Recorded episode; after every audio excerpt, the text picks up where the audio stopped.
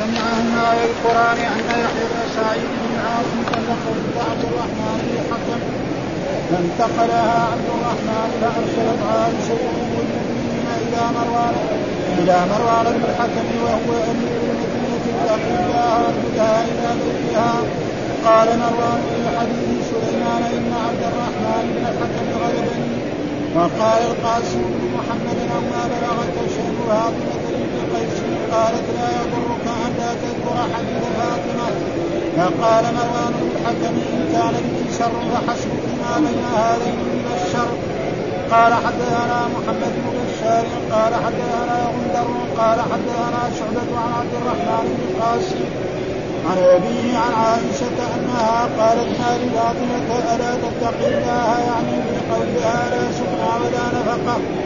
قال حدثنا عمرو بن عباس قال حدثنا ابن قال حدثنا سفيان عن عبد الرحمن بن القاسم عن أبيه قال قال عروة لعائشة ألم تر إلى فلانة بنت الحكم خلقها زوجها البتة؟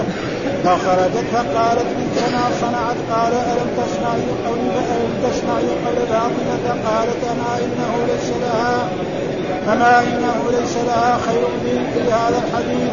وزاد ابن أبي الزناد عن هشام عن أبيه عابت عائشة أشد العيب وقالت إن فاطمة كانت في مكان محصن فقيل على ناحيتها فلذلك أرخص لها النبي صلى الله عليه وسلم باب المطلقة إذا خشي عليها في مسكن زوجها أن يقتحم عليها أو تلو على أهلها بفاحشة. قال حدثني حبان قال أخبرنا عبد الله أخبرنا ابن جريج عن ابن شهاب عن عروة أن عائشة أنكرت ذلك على فاطمة. باب قول الله تعالى ولا يحل لهن أن يكتبن ما خلق الله في أرحامهن من الحيض والحمل قال حدثنا سليمان بن حرب قال حدثنا شعبة عن الحكم عن إبراهيم عن الأسود عن عائشة رضي الله عنها قالت لما أراد رسول الله صلى الله عليه وسلم أن ينفرد إذا صبيت على باب خبائها كئيبة فقال لها عقراء أو حرقاء إنك لحابستنا أكنت أفضت يوم النحر؟ قالت نعم. قال فانفري إلى أعوذ بالله من الشيطان الرجيم. بسم الله الرحمن الرحيم. الحمد لله رب العالمين والصلاة والسلام على سيدنا ونبينا محمد وعلى آله وصحبه وسلم أجمعين. قال الإمام الحافظ محمد بن إسماعيل البخاري رحمه الله تعالى باب قصة فاطمة بنت قيس وقوله تعالى واتقوا الله ربكم لا تخرجوهن من بيوتهن ولا يخرجن إلا أن ياتين بفاحشة مبينة وتلك حدود الله ومن يتعد حدود الله فقد ظلم نفسه. لا تدري لعل الله يحدث بعد ذلك أمرا. وإذا بلغن أجلهن فامسكوهن بمعروف أو فارقوهن بمعروف. وأشهدوا ذوي عدل منكم وأقيموا الشهادة لله. ذلكم يوعظ به. من كان يؤمن بالله واليوم الآخر ومن يتق الله يجعل له مخرجا ويرزقه من حيث لا يحتسب. ومن يتوكل على الله فهو حسبه.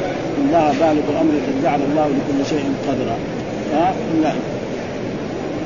يقول باب قصة فاطمة بنت قيس وهذه فاطمة بنت قيس إيش السبب في قصتها؟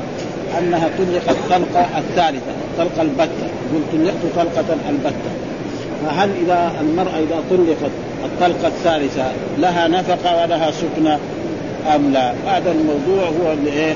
البحث في هذا لأن القرآن يقول لا تخرجوهن من بيوتهن ولا يخرجن إلا أن يأتين بفاحشه وقال إذا طلقتم النساء فطلقوهن لعدتهن واحصوا العده واتقوا الله رب لا تخرجوهن من بيوتهن ولا يخرجن إلا أن يأتين بفاحشة مبينة وتلك حدود الله. يعني الآية بين المطلقه انها لا تخرج من بيتها. ها؟ تقعد في البيت إذا طلقت طلقة واحدة طلقة. ما بينوا الآية ما بينوا. فالعلماء أخذوا هذا أن أن المطلق إذا طلقت طلقة واحدة أو طلقتان تمكث في بيت زوجها حتى تنتهي عدتها فإذا انتهت عدتها بعد ذلك تنتقل إلى أبيها أو إلى أمها أو إلى قريب لها. وأما اذا إذا طلقت طلقه البتة الثالثة بأن واحد ساوى حماته وطلقها ثلاثة تطليقات. أو طلق الأولى ثم ردها ثم طلقها الثانية ثم طلقها. وهذه المرأة هي فاطمة بنت قيس قد طلقت الطلقة الأخيرة. يعني أول طلقها زوجها وردها. ثم طلقها ثم ردها ثم بعد ذلك طلقها الثالثة ثم بعد ذلك أرسل إلى وكيل نعم. قال له إن إني طلقت زوجتي فلانة فاطمة بنت قيس. فقام الوكيل هذا أخذ شيء من الطعام يعني من البر أو من الشعير وادى نعم. ودلها فقامت استقلت. إيش هذا؟ دليل هذا. فقال لا بس هذا يعني إحنا تفضل من عندك فهي راحت إلى الرسول صلى الله عليه وسلم. وقالت يا رسول إن فلان طلقه الطلقه البتة وأتى وكيله بشيء من الطعام فقال إن يعني لا نفقة لك ولا سكنى ارجع شوية أنت. عشان اخونا هذا عنده كتاب ها؟ إيه؟ لا نفقة لك ولا سكنى لا نفقة لك ولا سكنى فهذا هو الفاسد فحصل خلاف بين الأئمة يعني. فبعض العلماء يروا أن المطلقه طلاقا باتا لا نفقة لها ولا سكن إلا إذا كانت حامل. فاذا كانت حامل يصير النفقة لمين؟ للحمل. وهناك من العلماء من رأى أن المطلقة يعني المطلقة مطلقا نعم لها النفقة ولها السكنى سواء كانت مطلقة طلقة أو طلقتان أو طلقة. إيش القرآن؟ يقول اذا طلقن فطلقوهن لعدتهن وأحصوا العدة واتقوا الله. لا تخرجوهن من بيوتهن. ولا يخرجن إلا أن يأتين بفاحشه لا تخرج يعني معناه إذا إيه؟ تبقى في الإيه؟ بيجي مسألة إيه؟ آه النفقة. لا تخرجون. ولا يخرجن إلا أن يأتين بفاحشة مبينه، إيش ياتين بفاحشه؟ تكون مثلا بذيئة. تكون في أمه تكون هذه سفيهة. تسب أم الزوج. ها؟ أو تسبه هو نفسه. أو تسب أخته أو بنته. ها؟ وتكون ما هي طيبة. هذه تطلع وأما إذا كانت مؤدبة قاعدة. نعم وهي. ثم قال لعل الله يحدث بعد ذلك أمر. إيش من يردها. لأنه الان طلق زوجته قعد يومين ثلاثة أربعة خمسة أيام ستة أيام شهر. ضاقت الحياة معه. أول يجي يتقي بيت يعني مضاء يجي طعام مضاء يبدأ يدخل يطبخ يطبخ. ولا يروح يروح المطعم. هذه المصائب يعني ما هي سهله هي الزوجة يعني فيها مشاكل وفيها شيء لكن مشاكلها هذه تقول شر لا بد منه. ها؟ تنور البيت فلذلك لما يقعد مدة من الزمن ها؟ ثم أول ما كان يتصل بها اتصال قعد ما يتصل رجل شاب. ها ما عنده زوجة. يعود متوقع واحد. خلاص إيش الرده؟ يقول يشهد فلان وفلان إني راجعت زوجي. هذا ما لعل الله يحدث بعد ذلك. فهنا بعض العلماء قال لا هذه طلقها الطلقة الأخيرة. ما في إيه؟ لعل الله يحدث بعد ذلك أمرا. ما في. يعني خلاص إذا طلقها ثلاثا ما يمكن يردها فإذا لها إيه؟ أن تخرج هذا هذا تفسير. وبعضهم فسر لعل الله يحدث بعد ذلك أمرا. يجي نسخ يعني هذا الحكم والأحكام وقت كان الرسول إيه؟ ينزل القرآن. يمكن يجي نسخ فهذا معناه الآية. ونحن نشرح الآية كاملة عشان يعني فيها آيات. فيقول لا تخرجوهن من بيوتهن. يعني لا تخرجوا المطلقات. ثم نفس الآية قال يا أيها النبي إذا طلقتم النساء. يعني هو الخطاب لإيه؟ للرسول ولكن المراد قال إذا طلقتم. معناه إذا إيه؟ خطاب للرسول وللمؤمنين. وإلا كان يا النبي إذا طلقت ها؟ طلقت فطلقوهن لعدتهن. وهذا تقدم لنا. فطلقوهن لعدتهن في قبل عدتهن. يعني لما الرجل يطلق زوجته نعم تحيض نهار ما تطهر يطلقها بطهر لم يصبح هذا طلاق السنة. الناس ما يعرفوا هذا. نهار ما يتضارب معه أو يتخاصم معه أو يسبها أو تسبه يطلقها. تكون حائض تكون جامعها هذا كله. والناس يعني يمكن أظن 70% من المسلمين ما يعرفوا هذه الأحكام. كما قلنا 90% ها؟ يعني طلبة العلم وطلبة العلم كمان مرات يخربطوها. ها؟ هذه أشياء أحكام شرعية فكان واجب زي ما يقول أن الإنسان لا يعمل عمل حتى يعلم حكم الله فيه. يبغى يتزوج يعرف أحكام النكاح وأحكام يبغى يبيع ويشتري يعرف أحكام البيع والشراء وهكذا. لكن مع الأسف الناس يعني في هذا ابدا نهار ما يتخاصم معها يقدر يطلقها والسلام عليكم ولا يدري هي حائض هي وبعد ذلك يصير ولا يخرجن إلا أن يأتين بفاحشة إيش الفاحشة المبينه تكون بذيئه اللسان ها تسب وتسب زوجته واخته وامه ها؟ ها وتلك حدود الله. يعني إيه؟ أحكام الله. ومن يتعدى حدود الله فقد ضل. ثم بعد ذلك يقول لعل الله يحدث بعد ذلك. لا تدري. أيها الزوج لعل الله يقدم أنت الآن غضبان عليها وزعلان منها بعد يوم يومين ثلاثة أربعة. راح الزعل حقه والغضب حقه فيقوم يردها هذا لعل الله حدث فإذا بلغن أجلهن فأمسكوا يعني غلق إيه؟ العدة فأمسكوا معه أو فارقون وأشهدوا ذوي عدل منكم وأقيموا الشهادة لله. ذلك يوعظ به من كان يؤمن بالله واليوم الآخر. ومن يتق الله يجعل له مخرجا. يعني من يتق الله يجعل الذي يطلق طلقه واحدة أو طلقتان يجعل. ويرزقنا. ومن يتوكل على الله فهو حسبه. والله بالغ امره قد جعل الله لكل شيء. واللائي يئسن من المحيض من نسائكم وهذا كان تقدم ان ارتبتم فعدتهن ثلاثة أشهر واللائي لم يحضن وأولات الأحمال أجلهن أن يضعن. ومن يتق الله يجعل له من أمره يسرا. ذلك أمر الله أنزله إليكم ومن يتق الله يكفر عنه سيئاته ويعظم له أجره. ثم قال أسكنوهن من حيث سكنتم من وجدكم. ها؟ ولا تضاروهن لتضيقوا عليهن وإن كن أولات حمل فأنفقوا عليهن حتى يضعن. وإن أرضعن لكم فآتوهن اجور واعتمروا بينكم معروف وإن تعاسرتم فسترضع قالت أنا ما ارضع لك ولدا خذ ولدك. ما في كل هذا إيه؟ معاكسة. تبغى الولد ولد هذا.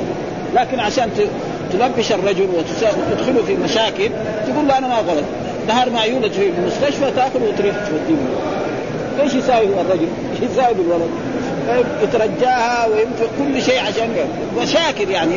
اشياء فلا بد من التحمل ولا بد من الصبر ولا بد من هذا. فلذلك بعد عسر يسرى فهذه فاطمة يقول إيش هي؟ قال فاطمة بنت قيس ابن خالد ابن المحارب ابن فهر ابن مالك وهي أخت الضحاك بن قيس الذي ولي العراق ليزيد بن معاويه وقتل بمرج واحد راهط وهو من صغار الصحابة وهي أسن منه وكانت من المهاجرات له وكان لها عقل وجمال وتزوجها أبو عمرو بن حفص ويقال أبو حفص بن عمرو بن المغيرة المخزوم وهو ابن عمرو خالد بن الوليد ابن المغيرة فخرج مع علي لما بعثه النبي صلى الله عليه وسلم إلى اليمن فبعث إليها بتطليقه. يعني راح معروف علي بن أبي طالب بعث اليمن يكون معلم ويكون كحاكم. بقيت له. وأمر بني عمه الحارث بن هشام وعياش بن ربيعة أن يدفع لها تمرا وشعيرا. ها يعني كنفق. فاستقلت. ها ذلك وشكت إلى النبي صلى الله عليه وسلم فقال لها ليس لك سكنى ولا نفق. هذا حديث صحيح. ها وكذا أخرجه مسلم. برضو عمر بن الخطاب رضي الله تعالى عنه كان يقول لها لها السكن. يقول ليه؟ يقول هذه مرأة تقول هذا الكلام. والقرآن يقول مثلا نعم اسكنوهن من حيث سكنتم منه ويقول لا تخرجوهن من بيوتهن. ونحن المرأة هذه يمكن ما ندري عنها هي فهمت الحديث ولا ما فهمت الحديث نحن نطبق القرآن. ولأجل ذلك يا الأئمة الأئمة كلهم تقريبا أقول الله المشروع إنه إنه المطلقة طلاقا بائن لا نفقة لها ولا سكن الإمام أبو حنيفة يقول لها النفقة ولها السكن إيه؟ إيش دليله؟ قصة عمر. يعني قصة عمر لأن عمر كان يقول هذه مرأة نحن ما ندري عنها. يمكن ما فهمت تمام. وما القرآن يقول لا تخرجوهن من بيوتهن. ما قال لا مطلقة رجعية ولا غير رجعية. فيقول نعمل بكتاب الله. أفضل وفي بعض الروايات قال وبسنة رسول الله. يقول وبسنة رسول الله هذا تقريبا يعني مأخوذ ما هو فيه في الحديث. ها؟ أو فعلى كل حال هو هذه. ومسألة زي ما يقول من المسائل الفرعية الذي وأصح الأقوال أن المطلقة طلاقا رجعيا لها النفقة ولها السكن والمطلقة طلاقا بائن لا نفقة لها ولا سكن إلا إذا كانت حامل فيكون النفقة لمين؟ للحمل هذا أصح الأقوال والذي يدل عليه الدليل. وهذه مسائل فرعية فالمسائل الفرعية إذا فيها خلاف قال فلان وقال فلان فإن تنازعتم في شيء قال إيه؟ فردوه إلى الله. وإلى الرسول إن كنتم تؤمنون بالله وآية أخرى فلا وربك لا يؤمنون حتى يحكموك فيما شجر بينهم ثم لا يجدوا في أنفسهم حرجا مما قضيت ويسلموا تسليما. فمسألة إذا فرعية فيها هذا المثال المطلقة طلاقا بائنا لا نفقة لها ولا سكنى والمطلقة طلاقا رجعيا لها النفقة ولها السكنى وتسكن إلا إذا كانت بذيئة اللسان أو كانت أخلاقها ما هي طيبة أو كان هذا البيت تخاف من أن كان الزوج ترك البيت وراح بعيد وهي في محل مثلا مقطع تخاف يقتحم عليها رجال في الليل وهي نائمة وهذا والمرأة معلومة لما يكون ما في أحد في البيت يعني وحش يمكن فلها ذاك الوقت أن تخرج. هذا ما يعني تقريبا باختصار آه هذا آه الموضوع. يقول في قصة فاطمة بنت وقوله واتقوا الله لا تخرجوهن من بيوتهن. ها؟ عام. لا تخرجون لا تخرجوهن. الواو عائد على مين؟ على على على الأزواج. والهاء عائد على إيه؟ على النساء المطلقة. يعني لا تخرجوا أيها الأزواج إذا طلقتم المرأة من بيوتهن ولا يخرجن ولا يخرجن المطلقات إلا يأتين بفاحشة مبينة، إيش الفاحشة المبينة؟ إما تقول ما أخلاقها ما هي طيبة.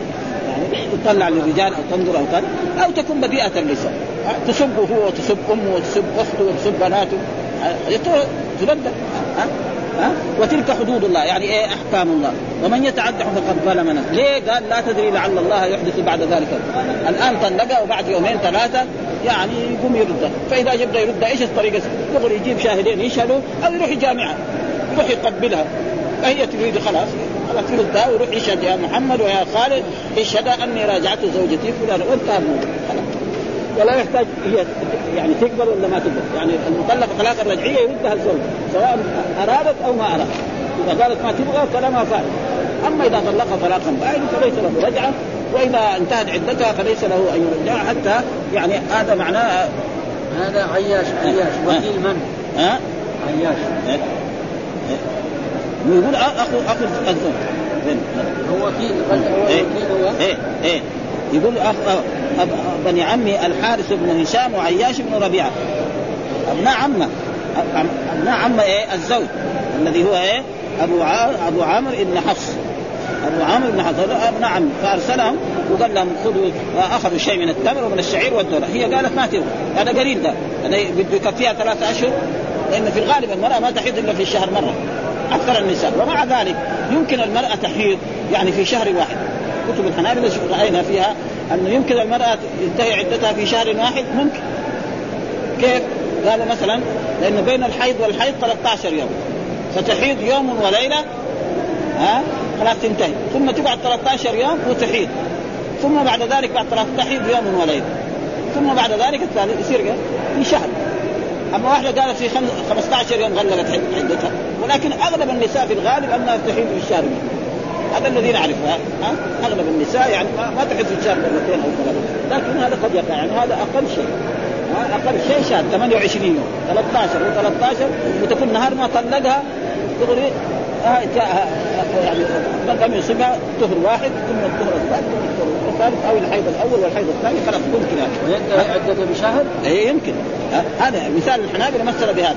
مثلا المرأة يطلقها زوجها وتحيض. حيضها. يوم وليلة بس. هو يعني ستة أيام. إذا كان ستة أيام ثمانية أيام ما يمكن.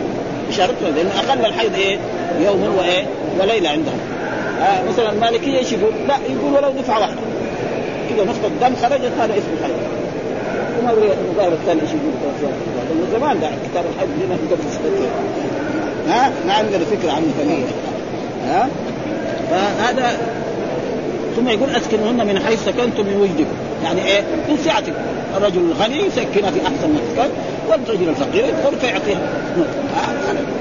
ولا تضاروهن لتضيقوا عليهن يعني إيه؟ تضايقها عشان تخرج منه وإن كن أولات حمل فأنفقوا عليهن حتى يضعن عنه فإن ارضعنكم فآتوهن أجورهن وأعتمروا بينكم بمعروف. وإن تعاسرتم فسترضع له أخرى لينفق ذو سعة من سعته ومن قدر عليه. يعني من ضيق عليه. فلينفق مما آتاه الله. لا يكلف الله نفسا إلا ما آتاها. سيجعل الله بعد عسر يسرا. ها الرجل ينفق على زوجته على قدر طاقته فالغني ينفق إنفاق الأغنياء والمتوسط ينفق إنفاق المتوسطين والفقير ينفق ها أبدا ها فالإسلام يعني ثم إيش الدليل؟ قال حدثنا إسماعيل حدثني مالك عن يحيى بن سعيد عن القاسم بن محمد وسليمان بن يسار نعم أنه سمعهما يذكران أن يحيى بن سعيد بن العاص طلق بنت عبد الرحمن بن الحكم أن يحيى بن سعيد طلق بنت عبد الرحمن بن الحكم فانتقلها عبد الرحمن. انتقل عبد الرحمن الذي هو يعني قريبا لها نقلها من إيه؟ من بيتها الذي طلقت فيه فأرسلت عائشة التي هي أم المؤمنين ازواج النبي إلى مروان. وكان مروان هذا هو أمير المدينة في عهد معاوية. وهو كان من طلبة العلم يعني. يعني مروان ابن الحكم كان من طلبة. اتق الله وردها إلى بيتها. قد يكون عائشة يعني أخذت بالآية. لا تخرجوهن من بيوت وقد يكون عائشة يمكن ما علمت أنها طلقت طلاق البت. يعني يظن أنها طلقت طلقة أو طلقتان. يمكن هذا. ها؟ ها. قال مروان في حديث سلمان إن عبد الرحمن بن الحكم غلبني إن عبد الرحمن بن الحكم غلبني وقال له إلا ينقلها لأنه المرأة عندها شيء من الأنف. يطلقني واقعد في بيته؟ دحين نحن نسال واحد طلق. ما تقدر تقعد. ما تقدر.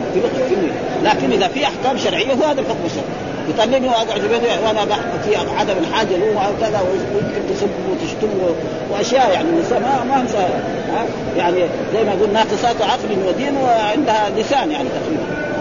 وزي ما يقول يغلبنا يعني اللئيم ويغلبنا الكريم أشياء يعني فيها صعوبة. فلذلك قال مروان حديث حديث سلمان إن عبد الرحمن غلبني آه قال كذا يعني إنه يعني عبد الرحمن خرجها وداه في بيت غير بيته. وقال القاسم محمد وما بلغ فشأن فاطمة بنت قيس؟ هذه يعني غير غير هذه. هذه شأن فاطمة بنت قيس؟ قلت لا يضرك أن لا تذكر حديث فاطمة بنت قيس. فقال مروان إن كان بك شر فحسبك ما بين هذين من الشر. يعني معنى ذلك إنه يريد إنه هذه آه، طلق بنت عبد الرحمن بن الحكم. يعني هذيك آه، القصة فاطمة بنت قيس. وهذه الثانية بنت عبد الرحمن بن قيس. إيش اسمها؟ آه، ذكر اسمها يعني إيش؟ وهي بنت وهي بنت أخي مروان الذي كان أميرا للمدينة. ها؟ يعني ها بنت أخي مروان أيضا لمعاوية حينئذ ولي الخلافة وقيل واسمها عمرة. وقيل فيما قيل. يعني غير. انه هذا الحديث عن قصة وهذه دحين يعني صار حكم ثاني أن هذه طلق بنت عبد الرحمن بن قيس التي اسمها عمرة. فاعتقلها عبد الرحمن أبوها. قام أبوها ردها من بيت الزوج. أخرجها من بيت الزوج وداها فعائشة أرسلت إلى إلى إلى مروان الذي هو أمير المدينة قالت له أمر هذا ابن أخوك ردها ان الله يقول إيه؟ أسكنوهن لا تخرجوهن من بيوتهن فقال له أنا غلبني ابن عمي ده آخر يقول أنا ما بنتي ما تقعد عندي واحد يطلقها وتقعد في بيته ليش؟ هذا تقريبا هو الغالب هذا ما تلقى لكن الأحكام الشرعية أن تقعد قال ما شأنك قال لا يضرك ألا تذكر حديث فاطمة. فقال مروان بن الحكم إن كان بك شر فحسبك ما بين هذا من الشر. يعني على كل حال قد يكون هي كمان يعني عندها شيء من البذاءة وفاطمة بن قيس هذه زي ما قالوا إنها هي كانت عندها شيء من البذاءة أو إنها كانت تخاف أن يقتحم رجال. ولذلك والحديث هذا عدة مرات شوف الحديث كم مثال أطرافه يقول في 5323 5025 إلى غير ذلك. ثم قال حدثنا محمد بن بشار حدثنا غندر حدثنا شعبة عن عبد الرحمن بن القاسم عن ابيه القاسم بن محمد عن عائشة أنها قالت ما لفاطمه ألا تتقي الله؟ يعني في قولها لا سكنى ولا نفقة. يعني يعني كانه عائشة متهمتها أن الرسول ما قال لها كده. ليه؟ إيش السبب الآية؟ لا تخرجوهن من بيوتهن.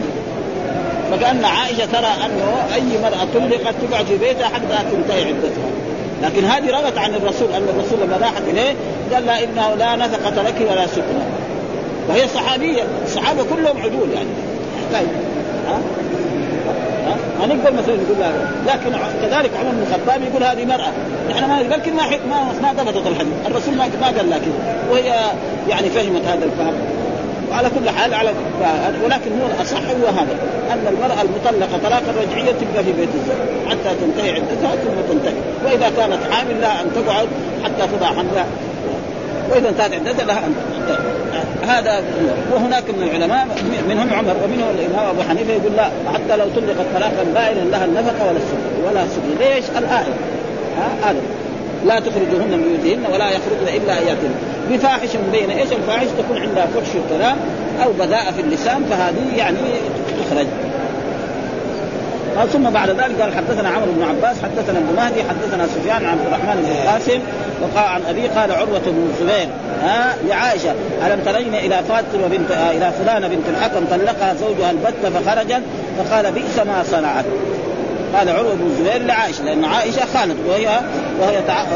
عروه أحد الفقهاء السبعة وتعلم علمه من أصحاب النبي صلى الله عليه وسلم ومن جملتهم قالت هو عائشه إلى فلانة بنت الحكم التي هي يعني عمرة طلقها زوجها فخرجت فقالت بئس ما صنعت. هذه ما كان تخرج قال قال يعني مروان ألم تسمع قول فقالت أما إنه ليس لها خير في ذكر الحديث. إيه؟ أنها تقول انها سألت الرسول وقال لها لا نفقة لك ولا سكنى إنما هذا تفضل. وزاد ابن أبي زياد عن هشام عن عائشة عابت عائشة أشد العيب. عن ابي عن عائشة عابت عائشة أشد العيب. يعني خروجها هذا عامته وقال إن فاطمة كانت في مكان وحش فخيف على ناحيتها ولذلك رخص. لها فقال له طيب فاطمة خرجت. يعني فاطمة بنت قيس الذي هي قصته الأولانية فاطمة بنت قيس هذه خرجت من بيت زوجها. قال إنه بيتها كان إيه في وحش. يعني في إيه تخاف مثلا في طرف البلد. مرأة تسكن في طرف البلد. نعم لحالها في بيت. تخاف. يقتحم عليها رجل في الليل اي لص وتخاف المرأة فيقول هذا هذا كلام عائشة. وإلا يعني المسألة وهذا الموضوع. ان المرأة المطلقة طلاقا رجعيا تبقى في بيت زوجها حتى تنتهي عدتها ثم والمطلقة طلاقا بائنا لها أن تخرج. ولكن ما قلنا عمر وغير ذلك من هذا كانوا يعني هذا يقول طلق بنت آه بنت عبد الرحمن بن الحكم وهي بنت أخي مروان الذي كان أمير المدينة أيضا لمعاوية حينئذ وولي الخلافه بعد ذلك. فإن مروان بعد ذلك صار هو الخليفة والخلفاء الأمويين كلهم من ذريته إلا بعد. آه منهم عبد الملك ويعني والوليد وسليمان كلهم هذول كانوا من إيه؟ من وسيأتي في الخبر أنه طلقها البتة. وقال مروان في حديث سلمان إن عبد الرحمن غلب وهو موصول بالإسناد المذكور إلى يحيى بن وهو الذي فصل بين حديثي شيخ فساق اتفق عليه ثم بين لفظ سليمان وهو ابن يسار وحده ولفظ القاسم بن محمد وحده. وقال مروان إن عبد الرحمن غلب أي لم يطعني في ردها إلى بيته. وقيل مروان غلبني بالحج لأنه احتج بالشر الذي كان بينهما. قالت لا يضرك الا تذكر حديث فاطمة. لأنه لا حجة فيه لجواز انتقال الفاطمة من منزلها بغير سبب. قال مروان بن الحكم إن كان لك بشر إن كان عندك أن سبب خروج فاطمة ما وقع بينها وبين أقارب زوجها من الشر فهذا السبب موجود. ولذلك فحسبك ما بين هذين. من يعني برضه هي الظاهر إنه فيها شيء من الايه وهذا مصير من مروان إلى الرجوع عن رد خبر فاطمة فقد كان أنكر ذلك على فاطمة بنت قيس كما أخرجه النسائي من من طريق شعيب عن الزهري. أخبرني عبيد الله بن عبد الله بن عبد الله بن عمرو بن عثمان بن عفان طلق بنت سعيد بن زيد البتة. وامها حزمة حزمة بنت قيس فأمرتها خالتها فاطمة بنت قيس بالانتقال فسمع بذلك مروان فأنكر. فذكرت أن خالتها أخبرتها أن رسول الله صلى الله عليه وسلم أفتاها بذلك فأرسل مروان قميصة بن زهير إلى فاطمة يسألها عن ذلك فذكرت الحديث انه قال الرسول لا لا نقبل أخرجه مسلم من طريق معمر عن الزهري دون ما في أوله. وزاد فقال مروان لم يسمع هذا الحديث إن امراه إلا من امرأة سنأخذ بالعصمة التي وجدنا وجدنا عليها الناس. وهو الآية. وسيأتي في آخر ووصل كذلك وزاد وصل أبو داود من طريق ابن وهب لقد عابت وزاد يعني فاطمه بنت قيس في قول وحش مسكون أي خال لا انيس فيه فأمر فتحول وقد أخذ البخاري الترجمة من مجموع ما ورد في قصة فاطمة فرتب الجواز على أحد الأمرين إما خشيه الاقتحام عليها وإما يقع منها يعني المرأة المطلقة تقعد في بيتها.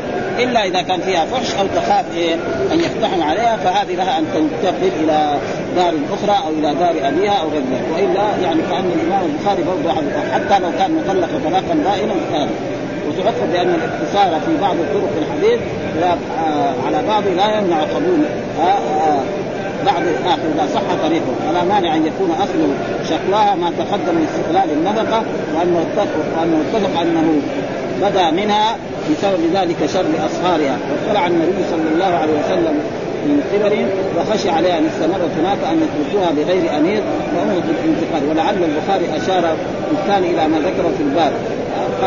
من قول مروان لعائشة إن كان بك شر فانه يوني إلى أن السبب في ترك امرها بملازمه الفتنة ما وقع بينها وبين أقارب زوجها من الشر. وقال ابن وقال ابن سياق الحديث يقول أن سبب الحكم أن اختلعت من اختلفت مع الوكيل بسبب استقلالها مع عطاء. وانه لما قال لها الوكيل لا نفقة لك سألت النبي فأجاب بأنه لا نفقة لها ولا سكنى فقلنا أن التعليل إنما هو في هذا الأمر. وهنا قال يحدث بعد ذلك أمر المراجعة. فتار المراجعة فقتادة والحسن والسدي والضحاك أخرجه الطبراني. وحكى غير أن المراد ما يأتي من قبل الله تعالى من نسخ أو تاخير فلم ينحصر ذلك في المراجعة. وأما السكنى بعد البينونة فهو فهو حق الله تعالى بدليل أن الزوجين لو اتفقا على إسقاط العدة لم تسقط بخلاف الرجعية فدل على ان أن لا ملازمة بين السكنى والنفقة. وقد قال بمثل قول فاطمة أحمد وإسحاق وأبو ثور وداوود واتباعهم وذهب أهل الكوفة من الحنفية وغيرهم إلى أن لها أن لها النفقة والكسوة. ها؟ لا النفقة والكسوة. وأجابوا عن الآية بأن المقصود النفقة بحالة الحمل. يدل على ايجابها في غير حمل. وشويه الحنفية؟ يعني يعني السنة ما عندهم تقريبا قديما وحديثا. دائما ياخذ اما بأحاديث ضعيفة ولا يعني العلماء الذين يحدثون هم تقريبا علماء الحجاز خصوصا في الأول. بعد ذلك بعدين صاروا ها لأنه في السنة أصحاب الرسول والعلماء الكبار كلهم اللي كانوا في السنة كانوا في الحجاز أكثر منهم في العراق. ثم بعد ذلك العراق أصبح كذلك محط للعلم. خلاص. ها, ها؟ في عهد الفاتح. ثم لا لا يوجد فالجواب عنه أن الدار قطني و لا لا تخرجوهن من بيوتهن. فالجواب عنه أن الدار قال في حديث عمر آه وسنة نبينا غير محفوظ والمحفوظ لا ندع كتاب ربنا. بس هذا الموجود. هذا هو الصحيح. ثم قال باب المطلقة إذا خشي عليها في مسكن زوجها أن يقتحم عليها أو أو تبدو على أهلها بفاحشة. يعني باب المطلق إذا خشي عليها في مسكن زوجها هذا تنتقم يعني كانت في محل وحش وتخاف أن يخرج في أطراف البلد أو الناس أشرار جيرانها وعلموا أن زوجها لم يكن في البيت فيقتحموا عليها ليلا فلها أن أو تبدو على أهلها. يعني تكون إيه؟ سريطة اللسان تسبهم وتشتمهم وتعايبهم ففي ذلك الوقت لها أن تخرج. إيش؟ ويكون هذه قصة يعني فاطمة بنت قيس كانت هي بذيئة اللسان أو كان تخشى على نفسها. قال حدثنا حبان قال أخبرنا عبد الله قال أخبرنا ابن جريج عن ابن شهاب عن عروة أن فاطمة أنكرت على ذلك على فاطمة. عائشة أنكرت على ذلك على فاطمة ومع ذلك يعني فاطمة قالت لها إني أنا سألت الرسول. قال لا نفقه لك ولا سكن. ما نقدر نقول يعني عائشة كلامها صح وهذه لأنه كلهم صحابة. هي صحابية كمان والصحابة كلهم عدود يعني. ها؟ ما يجي واحد عالم يقول لك لا كلام عائشة. نقبل. ما نقبل. يعني الله اعطى الصحابة كلهم عدول ممتازين درجة أولى. خلاص. ما يمكن واحد يكذب على الرسول صلى الله عليه وسلم. كان رجل أو امرأة. ها؟ نعم ينسى هذا ممكن. ها؟ ها؟ يمكن ينسى. لكن يكذب لا. ها؟ غيرهم هذا. أن عائشة أنكرت على ذلك فاطمة تدع مختصر وزاد مسلم في طريق صالح بن كيسان أن أبا سلمة بن عبد الرحمن أن فاطمة بنت قيس اخبر إنها جاءت رسول الله تستفتيه في خروجها فأمر أن تنتقل اليه من قدوم الأعمى.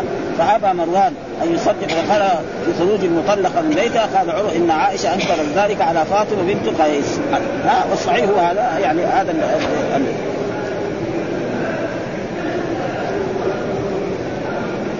ثم باب باب قول الله تعالى ولا يحل يكتمن ما خلق الله في أرحامهن. ها؟ وقول الله تعالى ولا يحل لهن. لا يحل ها لهن الضمير في لهن. الضمير ضمير إيه؟ جمع الإناث الغائب. إن يقتمن يعني النساء المطلقات يعني المرأة إذا طلقت وكانت حائض تقول لزوجها ترى أنا معي الحمل كانت حامل تقول لزوجها أنا يعني في حمل. ها؟ هذا ها؟ لا يكتون ما خلق الله في أرحامهن، إيش الرحم؟ فيه؟ فيه شيئين، فيه الحيض وفيه إيه؟ نعم الحمل الجنين ها؟ فيقول من الحيض والحمل. من الحيض هذا من الحيض والحمل هذا تفسير. لا واحد يروح يقول الآية لا يكتون ما خلق الله في أرحامهن من الحيض والحمل لا الحيض والحمل هذا ما, ما له دخل هذا تفسير هذا. ها؟ يكتون في أرحامهن في أرحامهن جاءوا يقولون هذا. إيش أرحامهن؟ فسره مجاهد انه المراد به الحيض والحمل ها؟ ها؟ فواحد مثلا من الحيض هذا هذا تفسير. بتفسير مين؟ تفسير العلماء. تفسير مثلا مجاهد أو ابن عباس وغير ذلك خلاص هذا المراد به يعني. فيجب على المرأة إذا طلقت تبين لزوجها أو تبين لأبيها. زعلانة من زوجها ما تبغى تخلي ولا شيء تقول لأبوها ترى أنا حامل. أنا حائض. خلاص. فيكون عنده خبر وبعد ذلك هذا يروح يبلغ فإذا كان هذا يردها مثل ما حصل لعمر بن الخطاب رضي الله تعالى عنه. قال حدثنا سليمان بن حرب قال حدثنا شعبة عن الحكم عن إبراهيم عن الأسود عن عائشة رضي الله تعالى عنها. قالت لما أراد رسول الله صلى الله عليه وسلم أن ينزل إلى صفية على باب خبائها كئيبة فقال لها عقرة أو حلقة إنك لحابسة أكنت قضيت يوم النهر قالت نعم. قال فانفري إذا برضه هذا الحديث يعني يعني يستدل به الإمام هذا أن المرأة لا بأس أن تبين إذا كانت حائض لزوجها.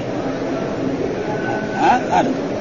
سفيان عن عائشة رضي الله تعالى عنها يقول آه آه قالت آه لما أراد رسول الله أن ينفر معلوم أن الرسول صلوات الله وسلامه هذا الحديث في الحج لكن نحن نبين الآن. الرسول صلى الله عليه وسلم في لما حج حجة الوداع وذهب إلى مكة وطاف بالبيت وسعى بين الصفا والمروة ومكث بإحرامه نعم من يوم أربعة إلى يوم يعني إلى يوم يعني عشرة نعم والصحابة حلوا من الإحرام. ثم بعد ذلك ذهب الرسول وذهب أزواجه وذهب المسلمون إلى عرفة ووقفوا بعرفة. وفي يوم النحر يوم العيد الرسول رمى الجمرة ثم نحر ثم حلق رأسه ثم ذهب لطواف ثم بعد ما عاد الرسول إلى ذلك آه قيل للرسول صلى الله عليه وسلم إن صفية حائض. فقال الرسول أحابستنا هي. ها آه أحابس ثم بعد ذلك الرسول جاء مار ووجدها جالسة على خباء. خباء معناه خيمة. ها فقال لها الرسول ها لصفيه ها وهي يعني عليها الكآبة لأنها إيه معها الحيض فقال لها عقرة أو حلقة يعني عقرة يعني عقرة يعني جعلك الله عاقرا. ليس هذا المعنى لأنه معنى هذا الفاظ يعني تخرج من إيه من العرب. يعني وإلا الرسول لو قال لها عقرة وأراد الدعاء عليها خلاص تصير عاقر ما في شك. وقال حلقة رب يقصد يسقط شعرها من رأسه. لكن هذه كلمة إيه؟ زي ما يقول كربت يداك ويقول عقرة واذا ما أراد الرسول الدعاء عليه. يعني كلمة يتلفظ بها العرب فتلفظ بها. فقال عقرة معناه أصل معنى العقرة معناه جعلك الله عاقر يعني لا تبي وحلقة معناه حلق الله راسك هذا معناه. لكن المراد ليس المراد هذا. المراد به يعني كلمة يتكلم بها العرب فالرسول. إنك لحابستنا يعني الرسول كان يظن انها أنها ما طافت طواف الإفاضة. يعني الرسول كان يظن انها لا طافت طواف الإفاضة. فإذا ما طافت طواف الإفاضة معناه ان إيه؟ لازم الرسول يجلس. والصحابة يجلسون حتى تطهر وتطوف لأنه ما يمكن لو الرسول قال لأصحابي سافروا أنتم. وأنا أجلس مع صفية حتى تطهر واجل ما يرضى الصحابة. ها؟ الرسول خرج معاهم للحج. يروحوا هم يقعدوا بعد الرسول. ثم بعد ذلك الرسول سالها يوم قالت ها يعني أكنت قضيت يوم النحر افضت يوم النحر؟ انت طفت طواف الإفاضة يوم النحر؟ قالت نعم. قال اذا انفروا. خلاص. يعني خلاص كلنا نسافر ها ففهم من ذلك أن المرأة إذا لم تطوف طواف الإفاضة لا تخرج من مكة حتى تطوف ها وإن كان عليها سعي تسعى ثم بعد ذلك هذا هو الواجب. ولا يجوز لها لأن طواف الإفاضة ركن من أركان الحج. لا يمكن يتم الحج إلا به أركان الحج إما أربعة وإما يعني خمسة. أركان الحج يعني الإحرام الوقوف بعرفة طواف الإفاضة السعي بين الصفا والمروة. هذه أربعة. وهناك من العلماء من يزيد واحد ثالث مثل الشافعية. يقول إيه؟ الحلق والتقصير. يصير خمسة هم. وفي هناك من العلماء من يقول لا ستة. إيش هو؟ المزدلفة. نزول من مزدلفه ولكن أصح الأقوال. وهناك رأينا كذلك ابن قدامة هذا صاحب المغني في كتاب العمدة يقول لا أركان الحج ركنان. بس الوقوف بعرفة وطواف الافاضه ما في ها؟ طيب آه آه يعني الإحرام راح حطه في الشروط. إنما الأعمال إيه؟ بالنيات. هناك دخلوا وكل له هذا. ولكن أصح هو هذه يعني الأربعة هذه لا شك فيه ففهم من ذلك محل الشاهد يعني إيش اللي يجيب هذا في هذا الوقت؟ إحنا ما نقرأ في الحج. إيه؟ أنه يعني آه آه عقرب قالت انها يعني المرأة بينت آه يعني المرأة والزوجة تخبر زوجها أنها إيه؟ حائض. يعني الرسول علم ذلك. فهذا فيه دليل على أن المرأة إذا كانت حائض تبين لزوجها. ولذلك هذا محل محل الشاهد الذي يطابق الترجمة الذي وإذا كانت يعني الحمل كذلك. هذا هذا ها؟ والرسول ما طلقها ها؟ ولا شيء إنما لما شافها كئيبه سألها. ها؟ فهل فلو ما طافت يعني طواف الإفاضة كان لازم تقعد. والرسول متى الرجل ما يمكن يعلم أن زوجته حائضة أو غير حائض. وفي الأحاديث التي تقدمت لنا في الحج أن أزواج الرسول هم الذين أخبروا الرسول أن صفية حائض ومعلوم أن الرسول لما حج حجة الوداع حصل يعني عدة. مثلا أسماء بنت عميس نعم ولدت بايه؟ بذي الحليفه عائشه حاضت بسرف صفية حاضت بمينا. يعني هذه أشياء ويمكن غيرهم كمان فيه. اللي سلم على الرسول يمكن يجي ما يجي لهم 100 ومعلوم 100 مرة إذا اجتمع في مكان لا يحصل. يعني هذول اللي علمناهم نحن من السنة ويمكن في غيرهم كمان. فهؤلاء وكل واحدة أدركت الحج والعمرة. ها فالمرأة إذا ولا يصح مثلا يعني المرأة إذا ما أقامت طواف الاراده تخرج من مكه دحين صار إيه؟ يسأل الطلاب والناس يقول لك لا كيف؟ يعني آه، يسافر. وأنها تسافر وأنها تطوف وهي حائض. هذا ما يصح ابدا خصوصا في وقتنا هذا. خلاص حاضت تقعد في مكة حتى تطهر وتطوف هي وزوجها. أما أول يقول فتوى شيخ الإسلام ابن تيمية. لا تتحفظ وتطوف. وهو بحث هذا البحث في كتبه وفي هذا أن المرأة مثلا إذا هذا والظاهر هذاك الوقت غير وهذا الوقت غير. الآن وقت أمان. يقول لك مثلا هي جات الطائرة تبغى ما تبغى تسافر. سفرها يوم 13 ذي الحجة. إذا ما جات يوم 13 ذي الحجة وعندها التذكرة إيش يسوي لها الخطوط؟ حتى لو كان خطوط يعني شو آه اشتراكية ولا شيوعية. نهار ما تجي يسفروها. ما ما يقول التذكرة ضاعت عليك. ابدا. ف... وليس ذلك. ابدا. أما أول كان مثلا إذا سافرت قافلة من مكة نعم يعني اليوم إلى العراق يمكن بعد 20 يوم حتى تصير قافلة ثانية. ثم ما في أمن. أما الآن الحمد لله ما في شيء. فليس للمرأة أي إذا حاضت أن تسافر من مكه ابدا حتى تطهر وتطوف ها؟ فإن جاءت وحدها تقعد. النساء ياتين للحج بدون محرم. ما أكثر النساء ياتين بالحج وإذا كانت مع جماعة تقعد مع زوجها حتى تطهر وتسافر والحيض معروف إنه أيام قليلة ولا فيه أي شيء. ها؟ قال في أرحامهن من الحيض وكذا للأكثر وهو تفسير مجاهد. ها من الحيض هذا والحمل ليس إيه؟ ليس من الآية. وهو وفصل أبو ذر بين أرحامهن وبين من؟ بدائرة الإشارة إلى انه أريد به التفسير. هذا واحد لأنه لازم على العلماء مثلا طالب صغير ولا يظن أن هذا من القرآن. لا هو ما هو من القرآن. والناس على كل حال وهذا لانها قراءة وسقط حرف من النسل واخذ عن طائفة ان المراد به الحيض. وعن آخرين الحمل وعن مجاهد كلاهما. والمقصود من الآية أن أمر العده آه لما دار على الحيض والطهر والاطلاع على ذلك يقع من جهة النساء غالبا جعلت المرأة مؤتمنه على ذلك. فإذا المرأة قالت أنا حائض ما يقعد يكذبها الزوج. ها هذا ها ها وقال إسماعيل دلت الآية على أن المرأة المعتدة مؤتمنة على رحمها من الحمل والحيض إلا أن تأتي من ذلك بما يعرف كذبها فيه. ها؟ مثلا تقول كان حاضت قبل عشر أيام ودحين كمان تكون حائض. فما يمكن. وقد أخرج الحاكم مسلم من حديث أبي بن كعب أن من الأمانة أن يتمت المرأة على فرجها ها؟ فانت على فرجها من الزنا وقد أخرج آه، الحاكم في المستدرك من حديث أبي بن كعب أن من الامانه أن تاثر المرأة على فرجها وهكذا أخرج المذكور في تفسير سورة الأحزاب ورجال ورجال وقد تقدم بيان مدة أكثر الحيض وأقل في كتاب الحيض والاختلاف ثم ذكر المصنف حديث عائشة في قوله لصفية لما حاض في أيام منن إنك لحابسه وقد تقدم شرحه في كتاب الحج وقال فيه شاهد لتصديق النساء. هذا محل الشاهد. أن المرأة إذا قالت حائض أو حامل ها فيما يدعينه من الحيض لكون النبي صلى الله عليه وسلم أراد أن يؤخر السفر ويحبس من معه لأجل حيض صفية ولم يمتحنها في ذلك. ذلك ولا امتحنها في ذلك ولا اكذبها قال لما رتب النبي صلى الله عليه وسلم على مجرد قول الصفيه أنها حائض تأخير سفره أخذ منه تعدي الحكم إلى الزوج وتصدق المرأة في الحيض والحمل باعتبار باعتبار باعتبار رجعة الزوج وسقوطها وإلحاق الحمل به. والحمد لله رب العالمين وصلى الله وسلم على نبينا محمد وعلى آله وصحبه وسلم.